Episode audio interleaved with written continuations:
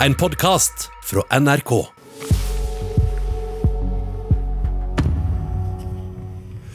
skal vi til eh, Bergen og kunstmuseene Kode og til kunstneren Edward Burne-Jones. Han var et forbilde for og påvirket norske kunstnere som Gustav Vigeland og Edvard Munch. Til tross for at han var en av de mest anerkjente kunstnerne i sin samtid, så er det altså første gang han presenteres i Norge. Og kunstkritiker her i NRK, Mona Pale Bjerke, god morgen. God morgen. Beskriv for oss hva får man se i denne utstillingen som altså har navnet Edward Burne-Jones, pre-rafaelittene og Norden?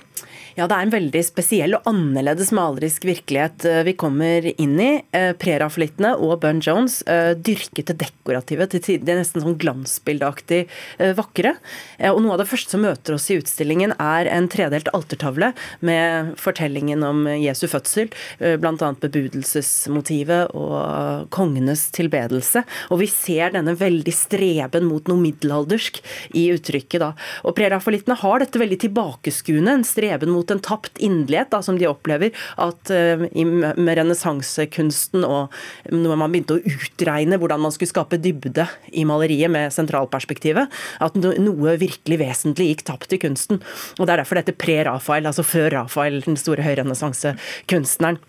Eh, så dette ser vi veldig tydelig allerede tidlig i utstillingen, denne lengselen eh, tilbake i tid. Men det som er så morsomt, er at i tillegg til dette eh, tilbakeskuende, så har de også en ganske kraftig samfunnskritikk i bildene, som ligger liksom og ulmer under overflaten i dette glansbildeaktige, dekorative universet. Kritikk av hva da? Altså, Edward Burne Jones for eksempel, var jo eh, veldig inspirert da, av bevegelsens store ideolog William Morris. Eh, Prerafaelittbevegelsen var en del av arts and crafts-bevegelsen i England. og De var jo veldig veldig kritikere av det kapitalistiske klassesamfunnet. Så det ser vi veldig sånn reflekser av i bildene. I det bildet som heter Kong Copetua og tiggerjenta, så ser vi hvordan kongen har tatt kronen av hodet og sitter lavere enn den fattige vesle jenta, og ser opp på henne med stor beundring. Som et bilde på at hvert individ individ er like mye verdt, uavhengig av penger og herkomst. Og I et annet bilde som heter Skjebnehjulet, som er veldig kjent, så ser vi hvordan eh, slaven med sine lenker tråkker peker på kongens kronede hode. Også som et bilde på hvordan skjebnen rammer blindt. Da. Også en sånn fremtidsvisjon for, mot rettferdighet eh, og fred. Hva var det som var viktig da for både Bern Jones og de andre kunstnerne som delte hans syn i hvordan de så på kunsten? Ja, Dette er jo en opprørsbevegelse. da. Eh, Prerafolitiske brorskap ble stiftet i England i 1848, og da ville nettopp eh, bringe tilbake middelalderens laugsystem, håndverket. Man ville tilbake til øyemålets skjønnhet, ikke denne matematiseringen og mekaniseringen som han mente at renessansen hadde påført eh, kunsten. Eh, og alt dette blomstrer da i, hos prerafalittene, og man ville da eh, ha et veldig symboltungt og spennende og litt sånn drømmeaktig og dekorativt univers. Hvordan viser utstillingen at han har påvirket eh, nordiske kunstnere? Altså Hele prerafaelittbevegelsen har nok eh, i eh, stor grad påvirket nordiske kunstnere mye mer enn vi har vært klar over. Dette har vært sett på som et veldig sånn underlig outsider-fenomen, egentlig. Og det utstillingen viser, er jo at dette er del av en veldig viktig brytningstid i europeisk kunsthistorie. Så det er veldig spennende å se. Vi ser at det, det bærer bud om både den elegante jugendstilen, her får vi se f.eks. Gerhard Munthe, Frida Hansen, men også den eh, litt sånn mørke symbolismen som slår ut i full blomst på slutten av århundret med Edvard Munch og, og Vigeland. Og Munch er da representert i utstillingen med piken, eh, nei, med mm, dødskysset fra 1899, som er et motiv han jo stadig vendte tilbake til, dette med piken og døden, der vi ser et et kvinnehode som kysser en uh, hodeskalle. Mm. Vi må gå til konklusjonen, Mona Polly Bjerke. Høres ut som du syns det er blitt bra? Ja, jeg felte rett og slett noen gledestårer i utstillingen. Jeg syns det er så herlig med utstillinger som både har noe å lære meg som fagperson, hvor jeg liksom virkelig føler meg beriket i forhold til et sånt kunsthistorisk fenomen, samtidig som dette er en utstilling som eh, kan bety noe for absolutt alle. Det er ikke noe ekskluderende ved den. Den, den har så mye skjønnhet å by på. Og det er jo et sånt apart og morsomt fenomen, en episode i kunsthistorien som jeg tror mange vil synes det er morsomt å stifte bekjentskap med. Ok, Takk skal du ha, Mona Palle Bjerke, kunstkritiker her i NRK. Fra bilder på vegg til bilder på skjerm, eller mangel på skjermbilde i og for seg. En million nordmenn mister flere TV-kanaler fra eh, Get-boksen, og det skjer etter at eh, Telia, som da eier Get, ikke ble enig med den amerikanske distributøren Discovery om en ny avtale. Det gjelder kanaler som TV Norge, Eurosport, Discovery Channel og Max, og fem og andre. Henning Lunde, kommunikasjonsdirektør i Telia, god morgen. God morgen. Når blir skjermene sorte? De har allerede blitt sorte. De ble sorte klokken eh, åtte i dag, og det beklager vi veldig til alle våre kunder. Hvorfor ble dere ikke enige? Nei, det er, eh, vi, det er amerikanske Discovery som har valgt å bryte forhandlingene. Vi står rett og slett for langt fra hverandre. Vi har uh, tilbudt uh, Discovery en kortsiktig avtale basert på den uh, avtalen vi per i dag har, slik at vi kunne fortsette forhandlingene om å finne en lengre avtale, mens våre kunder da kunne fortsette å se på deres kanaler. Men det har de valgt takke nei til. Hva er det som er så vanskelig å bli enige om? Kjernen i forhandlingene eh, handler om våre kunders valgmulighet. Eh, Discovery vil ha eh, Gets TV-seere til å betale mer for innhold som de har vist over lang tid at de er ikke så veldig interessert i. Og Det vil begrense valgmulighetene til Gets kunder. Samtidig er det store penger her, det er titalls millioner kroner, og det ønsker vi ikke at våre kunder skal måtte betale for å få noe de egentlig ikke har lyst til. Dere sier jo at dere fremdeles er villige til å, å forhandle, så hva, hva, har dere å bringe til Discovery i en ny forhandlingsrunde? Ja, vi, vi, ønsker fortsatt å finne en god løsning sammen med Discovery, slik at vi kan fortsette å skape eh, god kundeverdi også fremover. Og Våre dører står eh, alltid åpne for å forhandle videre. Vårt eh, tilbud om at vi bare kan eh, la dagens avtale eh, fortsette mens vi forhandler, den fortsatt, står fortsatt ved lag, så vi ber eh, Discovery om å ta til fornuft, slik at vi kan få skrudd tilbake de eh, TV-kanalene for våre kunder. Men Er dette blitt et sånt slags chicken race nå, der eh, dere kjører mot hverandre i full fart og ser hvem som viker først? Nei, jeg, jeg, vil ikke si det. det. Vi gikk jo inn i forhandlinger på overtid, og det er klart at avstanden ble mindre i løpet av natten, men den er fortsatt for stor til at vi har kommet i mål. Men vi håper selvfølgelig at vi skal klare å løse dette så raskt som mulig. Ok, Henning Lunde, kommunikasjonsdirektør i Telia, takk for at du var med oss på denne linjen. Vi har noen andre med på den andre linjen. Ja, Motparten, nordisk ansvarlig Espen Skoland i Discovery, god morgen. Hei du, hei du. Ifølge meldingene som kom her nå for uh, rett før åtte, så var det altså dere som brøt. Hva var grunnen til det?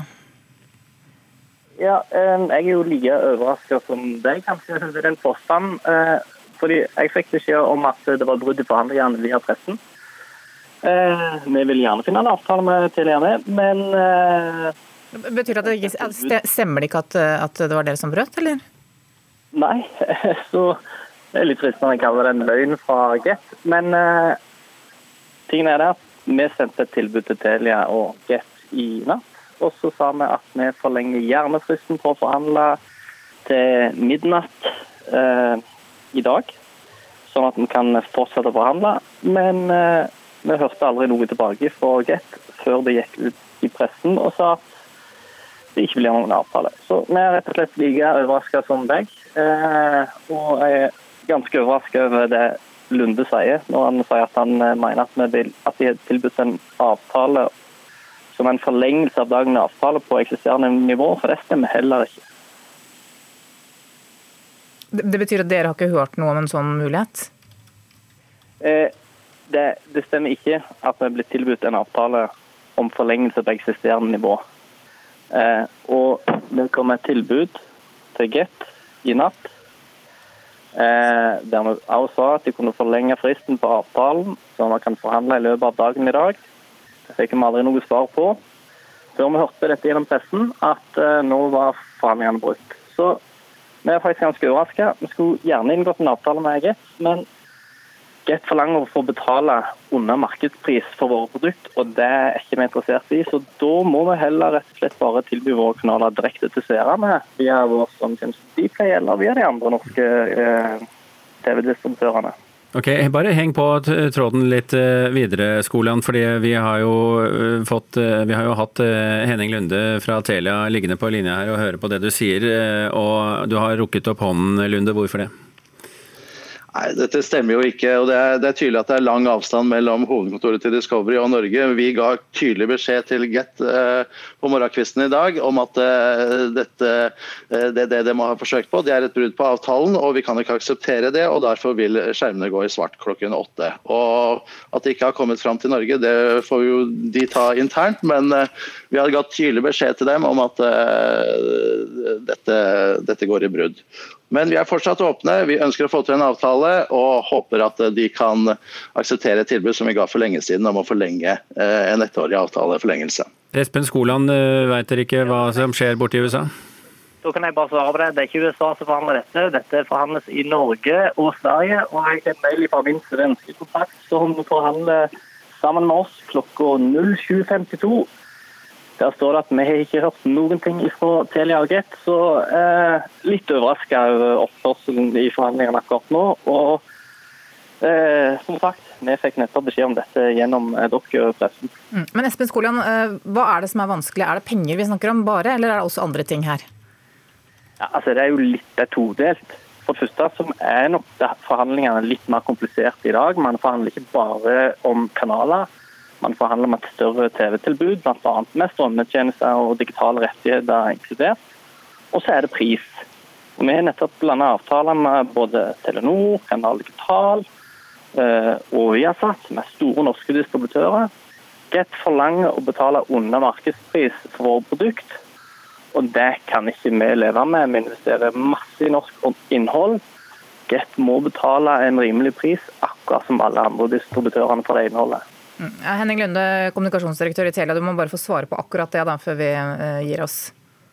Ja, Det stemmer jo ikke helt. Uh, utfordringen for Discovery er selvfølgelig at uh, våre seere og norske seere har sett mindre og mindre på deres kanaler og strømmetjenester de siste årene. Og da, er det useriøst at vi skal betale enda mer i en avtale som går fremover. Så vi ønsker å forlenge den avtalen som er nå, og vi skal betale samme pris, men det er et faktum at våre seere ser mye mindre på Discovery sine kanaler. Mer, mer enn nok å være uenige om, og mer enn nok å bli enige om. I mellomtiden er altså skjermene svarte. Ja, Det høres ut som de også er enige om, om noen ting, da, nemlig at seerne skal få Eh, tilgang til disse kanalene på sikt, får vi håpe. Det vil være lønnsomt på sikt for dem begge, vil jeg tro. ok, Takk skal dere ha, både Henning Lunde, kommunikasjonsdirektør i Telia, og Espen Skoland, nordisk ansvarlig i Discovery.